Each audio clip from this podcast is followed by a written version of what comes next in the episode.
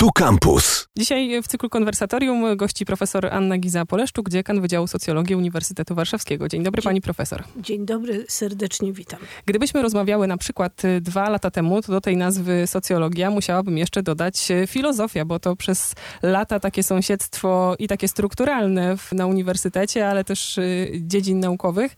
Co jeszcze? Skąd jeszcze socjologia czerpie, żebyśmy może spróbowały na początek y, namalować taki obraz, y, czego uczą się studenci socjologii i na tym pierwszym etapie i na drugim? Społeczeństwo stało się takim pojęciem, które nam się wydaje strasznie takie jakby potoczne i bardzo przyjazne, ale tak naprawdę to jest niezwykle złożona kwestia, ponieważ tak naprawdę e, my staramy się odpowiedzieć na pytanie, jak jest możliwe nasze wspólne życie, prawda? Ponieważ społeczeństwo to tyle, co zdolność, umiejętność prowadzenia wspólnego życia, wytwarzania wspólnego świata, współdzielenia zasobów, wytwarzania dóbr publicznych i tak dalej. Wszyscy wiemy, nawet w takiej małej skali, jaką jest rodzina, że to wcale nie jest takie proste i że to wymaga bardzo wielu różnych talentów, tak, i bardzo wielu różnych reguł i norm.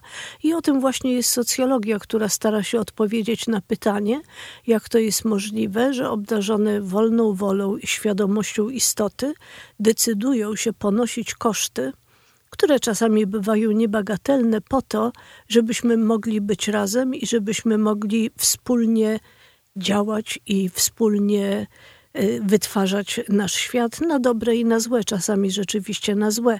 Więc socjologia, kiedy powstała, to był bodajże 1852 rok, kiedy matematyk skądinąd francuski i filozof Auguste Comte ogłosił swoje zasady filozofii pozytywnej i tam powołał do życia socjologię, argumentując to tym, i to myślę dzisiaj jest szczególnie ważne, że y, o ile ludzkość y, odniosła ogromne sukcesy w obłaskawianiu przyrody i właściwie połowa XIX wieku to jest spektakularny rozwój nauk przyrodniczych, pojechał pierwszy pociąg, wynaleziono szczepionkę przeciw ospie, wytępiliśmy dżumę w Europie.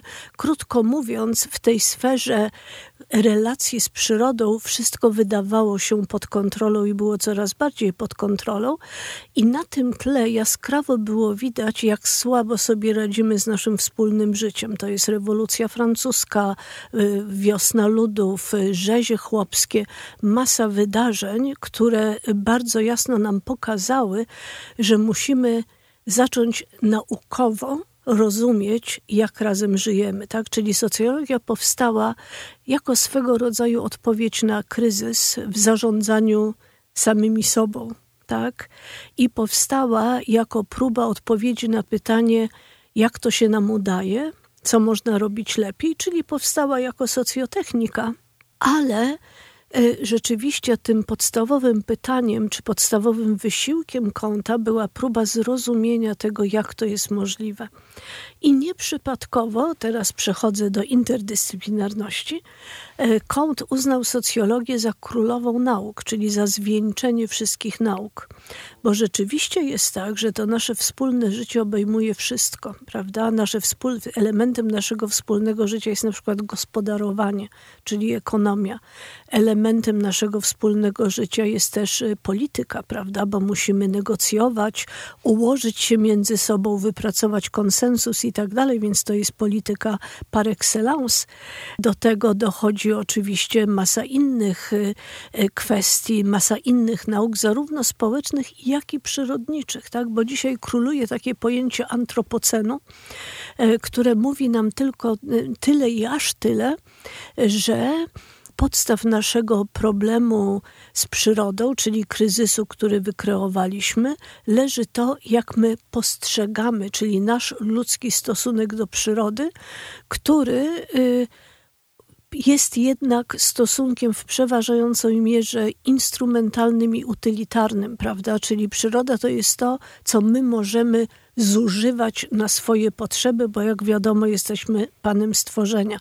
I to jest bardzo ciekawe, ponieważ y, to pokazuje, że y, to, co jest y, najpilniejsze, ale i najtrudniejsze do zmiany, to jest nasz sposób myślenia. Tak, nasz sposób widzenia świata, żebyśmy może wrócili do tego przednaukowego i przednowożytnego świata, w którym przyroda była całością, której przysługiwała etyczność prawda? I raczej do przyrody kierowaliśmy błagalne prośby albo próbowaliśmy stosować magię, natomiast nie zaprzęgaliśmy jej do pracy na naszą rzecz, a przynajmniej nie tak brutalnie, jak to robimy, nie wiem, niszcząc lasy, y, ujarzmiając rzeki i stawiając na nich tamy i tak dalej.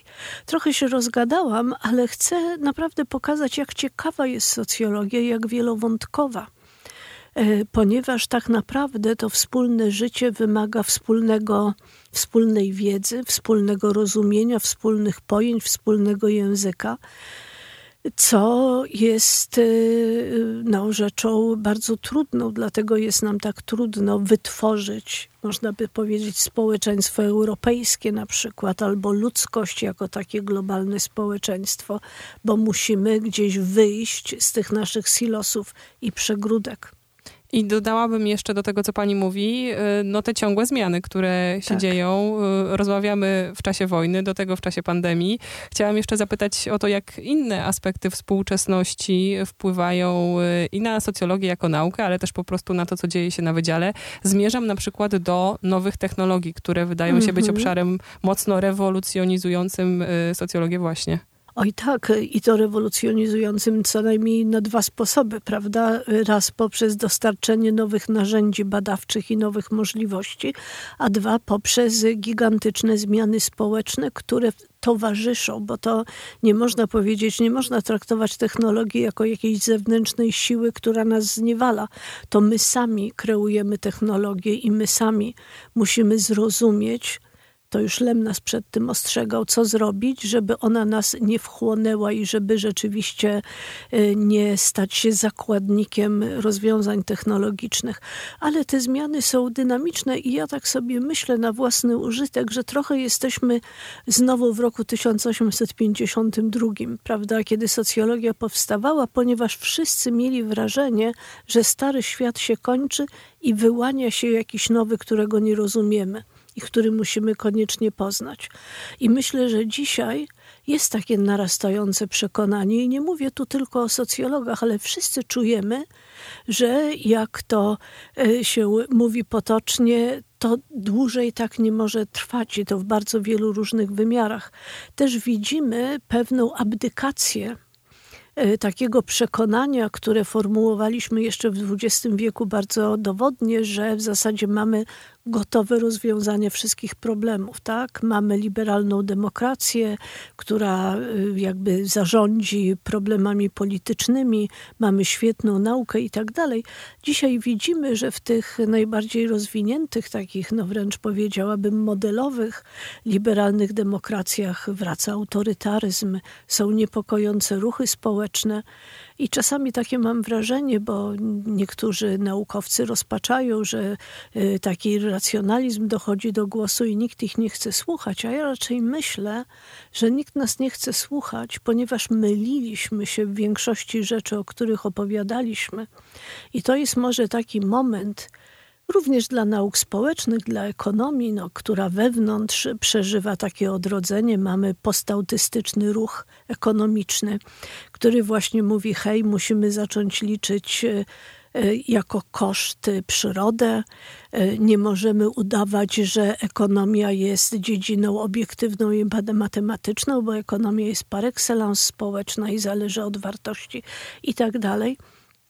I tego rodzaju refleksje widać już wewnątrz nauki, i to jest taki moment, kiedy wszyscy czujemy, nie tylko w, w odniesieniu do antropocenu, że mamy przed sobą gigantyczne wyzwanie intelektualne, tak? Przekroczenie granic własnego myślenia i inne spojrzenie na ten świat, nie z perspektywy starych założeń, bo z perspektywy starych założeń to właściwie widać, że się wszystko rozsypuje, ale ja bym wolała patrzeć na to, co się dzieje, zadając pytanie o to, co się wyłania, co nowego, co dobrego, na czym możemy zbudować naszą przyszłość.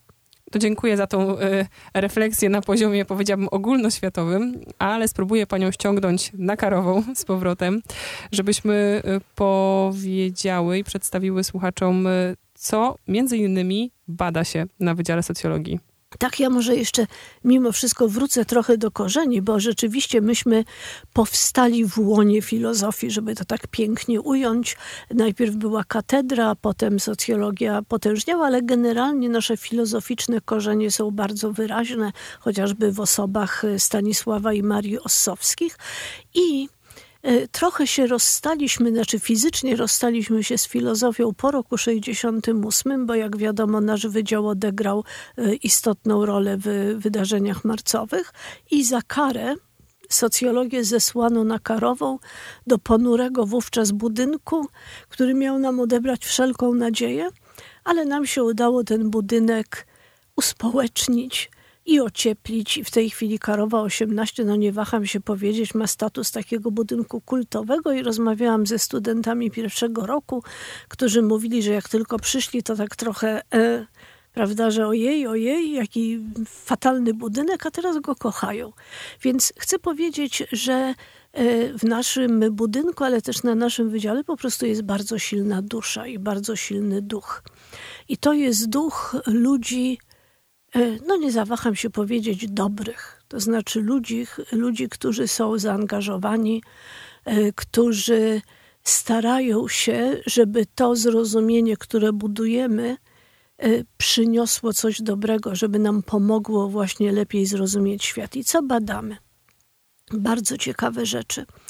I opowiem tylko o kilku, które wydają mi się takie najbardziej spektakularne. E, po pierwsze, badamy pamięć, pamięć historyczną, naszą wspólną pamięć społeczną. To robi profesor Wawrzyniak ze swoim zespołem i jest to naprawdę niezwykłe. Na przykład e, we współpracy z Domem Spotkań z Historią e, jest zbierana historia mówiona okresu PRL-u, wielkich zakładów przemysłowych. Uważam, że to jest wspaniałe, ponieważ y, to pozwala nam, zamiast się odcinać od przeszłości i ją wyrzucać, pozwala nam dostrzec, jak my ją wspólnie kształtujemy i co nam ona mówi o nas samych. Więc badamy pamięć. Badamy również takie elementy y, pamięci, które widać w muzeach. To jest bardzo ciekawe pytanie o muzea prawda? Jak one są kształtowane, co tam pokazujemy, czego nie. Jakie muzea powstają, a jakie nie powstają. Doktor Łukasz Bukowiecki napisał wspaniałą pracę o muzeach, które nie powstały i dlaczego one nie powstały.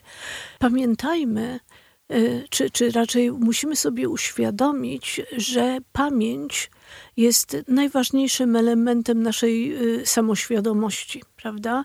E, to wszyscy już wiemy na poziomie indywidualnym i każdy gdzieś tam grzebie w, tej, w tym dzieciństwie, żeby zidentyfikować to, co nas ukształtowało, ale oczywiście jako zbiorowość e, też jesteśmy jakoś kształtowani przez to, co nas spotyka i co z tym robimy. Ale badamy też różne wymiary naszego funkcjonowania, no nie wiem, z grubsza powiedzieć, można powiedzieć ekonomicznego, czyli badamy właśnie jak się żyje z 30-letnią hipoteką, jakie to ma społeczne konsekwencje. E, badamy, co się dzieje na rynku pracy, e, jak te prekariaty y, współczesne, nowoczesne, nie tylko zresztą w Polsce, przekładają się na sposób, w jaki tworzymy nasz wspólny społeczny świat i czy to, w czym to przeszkadza, w czym to czasami pomaga. Badamy też, i to grupa, chcę powiedzieć, że te rzeczy ekonomiczne to jest Mikołaj Lewicki, Julia Kubisa, y, Kaja Sztandar-Sztanderska, naprawdę Marianna Zieleńska, naprawdę wspaniałe rzeczy. Oczywiście w tym kontekście też nierówności społecznej, bo dobrobyt czy, czy dochody są bardzo ważnym elementem. To się też wiąże z kredytem hipotecznym oczywiście. E, badamy też, e, Mikołaj Jasiński bada rejestry publiczne e, udało się wspólnie z ministerstwami wypracować wspólny projekt, w ramach którego możemy łączyć rejestry administracyjne. I teraz proszę sobie wyobrazić, e, jak wiele będziemy widzieć, jeżeli na przykład uda nam się połączyć e, rejestry Narodowego Funduszu Zdrowia z rejestrami ZUS wtedy naprawdę będziemy mogli rozsądnie rozmawiać o kosztach leczenia i kosztach nieleczenia, bo tak NFZ to jemu się wydaje, że jak oszczędzi na drogich lekach, to super, to to jest bardzo ekonomiczne. Tylko wtedy w ZUS-ie mamy masę osób, które wypadają z rynku pracy, przechodzą na rentę albo umierają. Więc to jest naprawdę wspaniałe, że będziemy mogli takie rzeczy, że właśnie bo to jest też dążenie socjologów, żeby widzieć rzeczy w całości, prawda, żeby widzieć je w kontekście. No i te rejestry są tutaj naprawdę bardzo ważne, są bardzo ważne. Zresztą zespół profesora Jasińskiego zajmuje się teraz też we współpracy z władzą publiczną wytwarzaniem pomysłów na nowe polityki publiczne w sferze niepełnosprawności czy osób z niepełnosprawnościami. Więc to badamy. Oczywiście mamy bardzo silną grupę która zajmuje się uchodźcami i migrantami. I kiedy mówię, że się zajmuje, to mam na myśli zarówno to, że oni są y, wciąż na granicy, kiedy się zaczął kryzys uchodźczy na granicy z Białorusią. I teraz też tam jeżdżą z kuchnią polową, z przyjaciółmi, y, odbierać różnych y, zaprzyjaźnione rodziny z Ukrainy i przywozić je tutaj. I już badać? Przepraszam, że wejdę w słowo, ale tak. to jest tak. też może dobry przykład, żeby powiedzieć, jak szybko tak, już są, mogą reagować oczywiście, naukowcy. Mhm. Oczywiście, że tak. I też y, zespół Sylwia Urbańska, Przemek Sadura, Marta Pietrusińska no, robili badania na granicy białoruskiej. Niedługo pewnie lepiej zrozumiemy, y, skąd się wziął taki przymus moralny, żeby rzucić wszystko i tam pojechać i coś robić. E, nie chcę tutaj e, e, no, fantazjować, bo pewnie lepiej będzie posłuchać tych osób, jak one się już zjawią z powrotem. Ale to się wydaje ważne. Mamy też dużo badań poświęconych edukacji. I to jest niezwykle ważne, ponieważ no nie chcę tutaj e, świecić banałem w rodzaju takie będą rzeczy pospolite, jak ich młodzieży chowanie, ale jest rzeczą oczywistą, że te 12 lat najważniejszych w naszym życiu, które spędzamy w instytucjach edukacyjnych, są kluczowe dla tego, jak będziemy funkcjonować e, właśnie w naszym wspólnym życiu. E, nie wiem, jak jest teraz, nie chcę znowu ryzykować łatwych uogólnień, ale tak sobie myślę, że oprócz tej szkoły widzialnej, gdzie jest podstawa programowa, tam prawda, rysujemy pantofelka, ze zgrozą stwierdziłam, że moje wnuki też rysują pantofelka, więc niewiele się zmieniło. Dzisiaj chyba nawet przez sen bym potrafiła narysować pantofelka z rzęskami i organellami, nieważne, ale Oprócz tego jest ta szkoła niewidzialna i zawsze zadawałam sobie pytanie, jakich to wad postawy społecznej nabywamy, e, spędzając 12 lat w szkole, bo już wszyscy wiemy, że krzywią nam się kręgosłupy i nabawiamy się innych e, dolegliwości fizycznych, ale być może uczymy się też bierności, hipokryzji, siedzenia cicho, poczucia bezsilności, i uczymy się też pozorności demokracji. Tak? Wtedy, kiedy e, samorząd jest wskazywany palcem przez władze szkolne. E, I bardzo, prawda, więc to niewidzialne kurikulum jest bardzo ważne i my to też badamy. Tym się zajmuje głównie Przemek Sadura, ale oczywiście nie tylko. Z tego miejsca przepraszam wszystkich kolegów i koleżanki, których nie wymieniłam z nazwiska, ale jest ich ponad 50, więc naprawdę nie dałabym rady. Może tylko dodam, że e, uchodźcami, migrantami zajmują się Ola Grzymała-Kazłowska i Małgosia Głowacka-Grajper. Mamy też e, e, takie no, kompetencje w badaniu właściwie nie tyle miasta, bo nie chodzi tutaj o mury i tak dalej, ale wytwarzanie przestrzeni publicznych w mieście różnego rodzaju. No i tutaj nie mogę sobie odmówić e, wyścigów na Służewcu i Basi Bosak-Herbst, która nie tylko zrobiła fantastyczne badanie pokazujące kulturę, która się tam e, ukształtowała, ale też nakręciła świetny film, który chyba jest dostępny w internecie bo mamy do niego prawa. I co my jeszcze badamy, tak szybciutko przelatuję. Czekam na technologię w połączeniu z socjologią Ach, cyfrową. Nie, no bo to, to tak, oczywiście. Yy, tak, no jeszcze może powinnam wspomnieć, że mamy jednego z najwybitniejszych specjalistów od spisów powszechnych, profesora Sławka Łodzińskiego, bo spis powszechny to też nie jest taka prosta rzecz, jak się wydaje, prawda?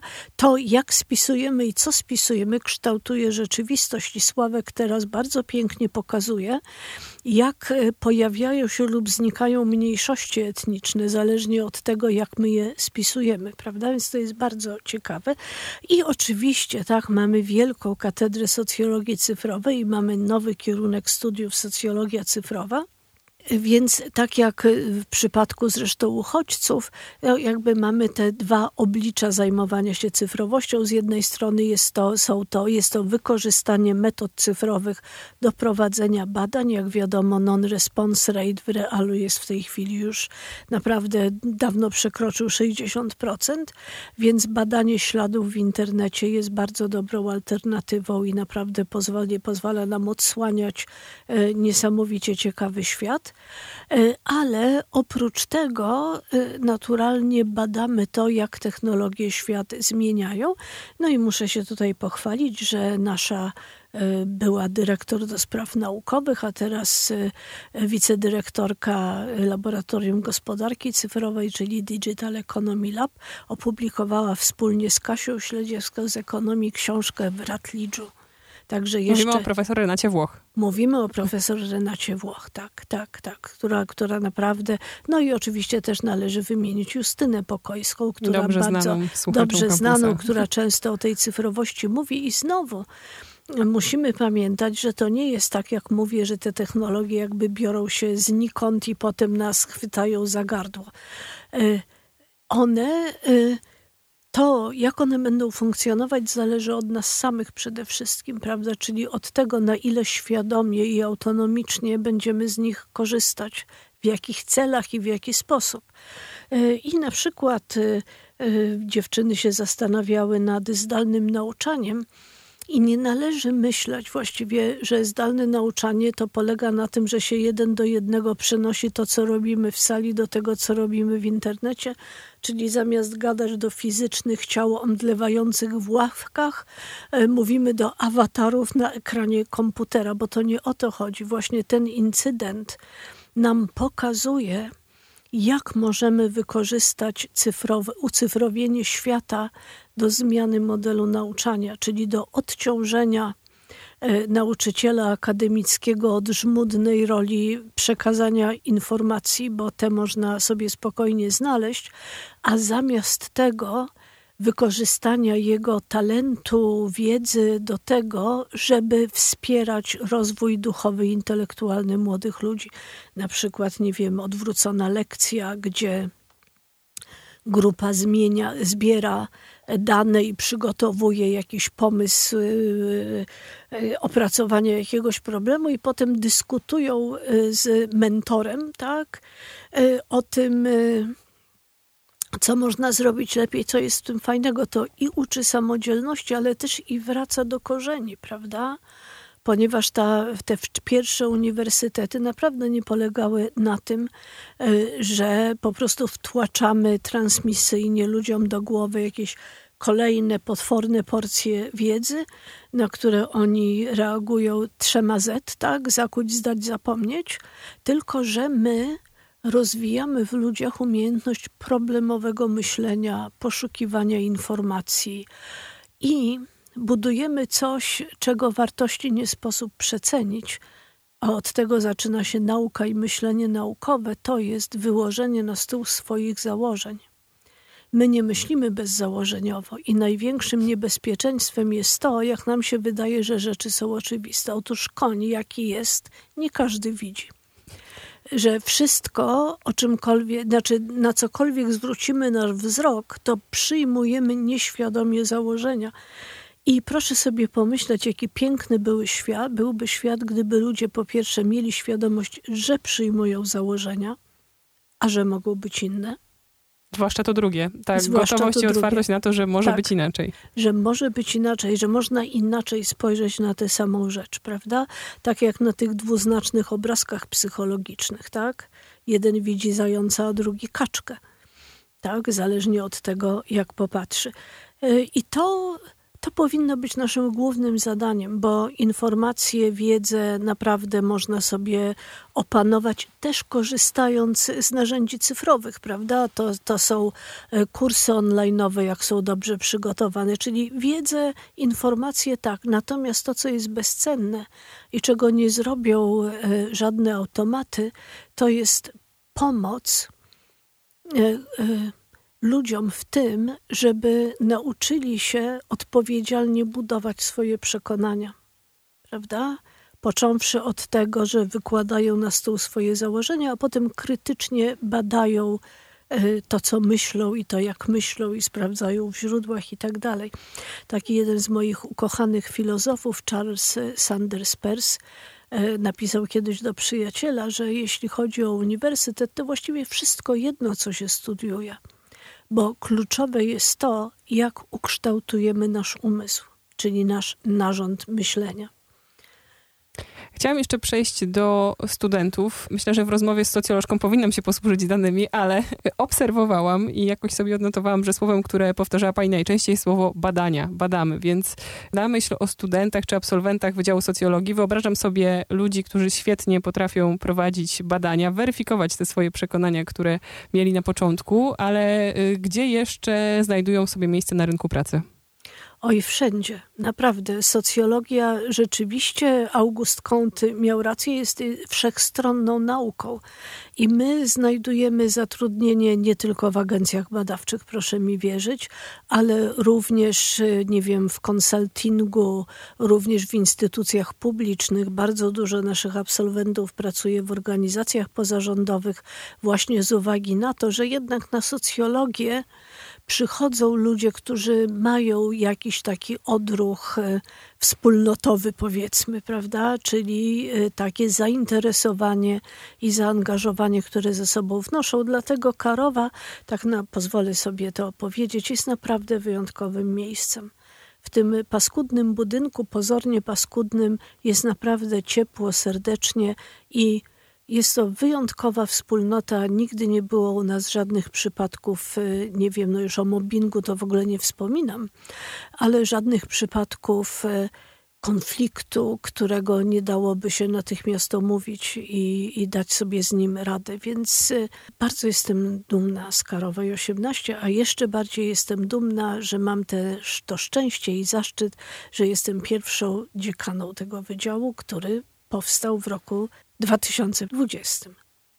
Zastanawiam się, czy ta y, mnogość możliwości y, pomaga, czy przeszkadza, jeśli ktoś się zdecyduje na studia socjologiczne, że jednak co święta trzeba tłumaczyć rodzinie, co będziesz robiła o, jako tak. socjolożka czy, czy socjolog, a no, nie widać tej takiej jednoznacznej odpowiedzi na horyzoncie. Och, to prawda, to jest y, straszny ból, który pamiętam sama z czasów, kiedy studiowałam, jak mnie pytano, czyli co właściwie studiujesz, to nie potrafiłam odpowiedzieć, bo właściwie wszystko tak? Na mocy znowu wracając do Augusta Comte, że żeby być dobrym socjologiem trzeba znać historię społeczną, gospodarczą i ekonomię i bardzo wiele innych rzeczy.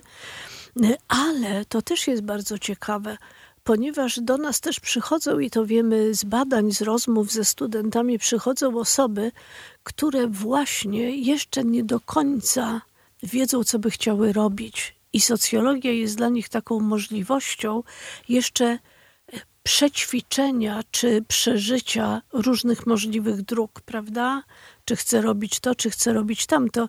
Więc jest to, są to też studia dla poszukujących. To nie jest tak, jak w, szczególnie w przypadku kierunków, które są przedłużeniem przedmiotów szkolnych, które się kochało. I tak jak rozmawialiśmy ze studentami, te robiliśmy w tym roku badania właśnie ze studentami tego wchodzenia w świat Uniwersytetu Warszawskiego. I to jest tak, że E, w tych e, takich przedłużeniach przedmiotów, to ludzie mówili, Boże, wreszcie nie będę jakimś frikiem, tylko trafię między tych, którzy tak jak ja kochają biologię i wreszcie nikt nie będzie mówił, no co ty, ale, no, ale w ogóle po co i tak dalej. Natomiast na socjologię, to, którą też objęliśmy badaniami, przychodzą ludzie, którzy poszukują nie tyle osób, które są przedmiotowo zafiksowane na czymś, tylko osób, które mają pewne nastawienie do świata. Tak? To jest nastawienie właśnie otwarte, nie zawaham się powiedzieć, współczujące, Także nawiązując do naszej słynnej noblistki, która zresztą została doktorem honoris causa naszego uniwersytetu w ubiegłym tygodniu, socjologia właśnie kojarzy mi się z czułością. Intuicyjnie wydają się to być studia mocno mimo wszystko praktyczne, to znaczy oparte na takiej własnej pracy badawczej, czy też zespołowej pracy badawczej, ale jednak, że tej e, praktyki jest dużo. Jest rzeczywiście bardzo dużo. Bardzo o to dbamy, ponieważ e, ja jestem przekonana, że tak naprawdę dobrze rozumiemy rzeczy, które zrobimy i przeżyjemy sami. I dlatego jest rzeczą taką wa tak ważną, zresztą myśmy też eksperymentowali. I ja bardzo marzę o tym, żeby wprowadzić tak zwany service learning na socjologię, e, czyli ten specyficzny tryb uczenia, który jest połączony od razu ze świadczeniem usług czy pomocy e, zewnętrznym podmiotom. To w prawie jest e, bardzo rozbudowane, to są tak zwane kliniki prawa, prawda, gdzie studenci jakby ćwiczą się w udzielaniu porad prawnych, udzielając porad prawnych, czyli uczą się stosować prawo, stosując je.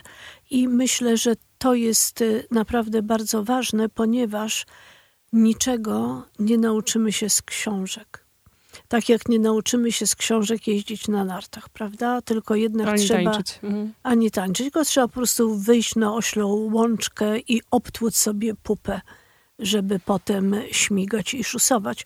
I ja zresztą myślę, że to, czego nie doceniamy, a co jest wielką korzyścią i może dlatego jesteśmy tacy multifunkcjonalni, że tak się wyrażę, to socjologia uczy po pierwsze patrzenia z dystansu ale nie z takiego dystansu obojętnego, tylko z takiego dystansu uważnego. I socjologia uczy nas widzieć rzeczy w całości. Prawda? Czyli jak patrzę na szkołę, to nie widzę tylko szkoły, ale też widzę kuratorium y, i Ministerstwo Edukacji i Nauki. Y, I widzę zachorowanych rodziców, którzy najchętniej by w ogóle pozbyli się dziecka, bo nie mają czasu się nim zajmować, bo to, czym jest szkoła, i jak ona funkcjonuje, zależy od wszystkich tych czynników, a nie tylko od tego, co jest tam akurat w środku. Profesor Anna Giza-Poleszczuk, y, dziekan, chociaż chyba dziekana, dziekana jak pani tak. zasugerowała. Nie waham się używać tego słowa. Dziękujemy. Dziękuję bardzo. Radio Campus, same sztosy.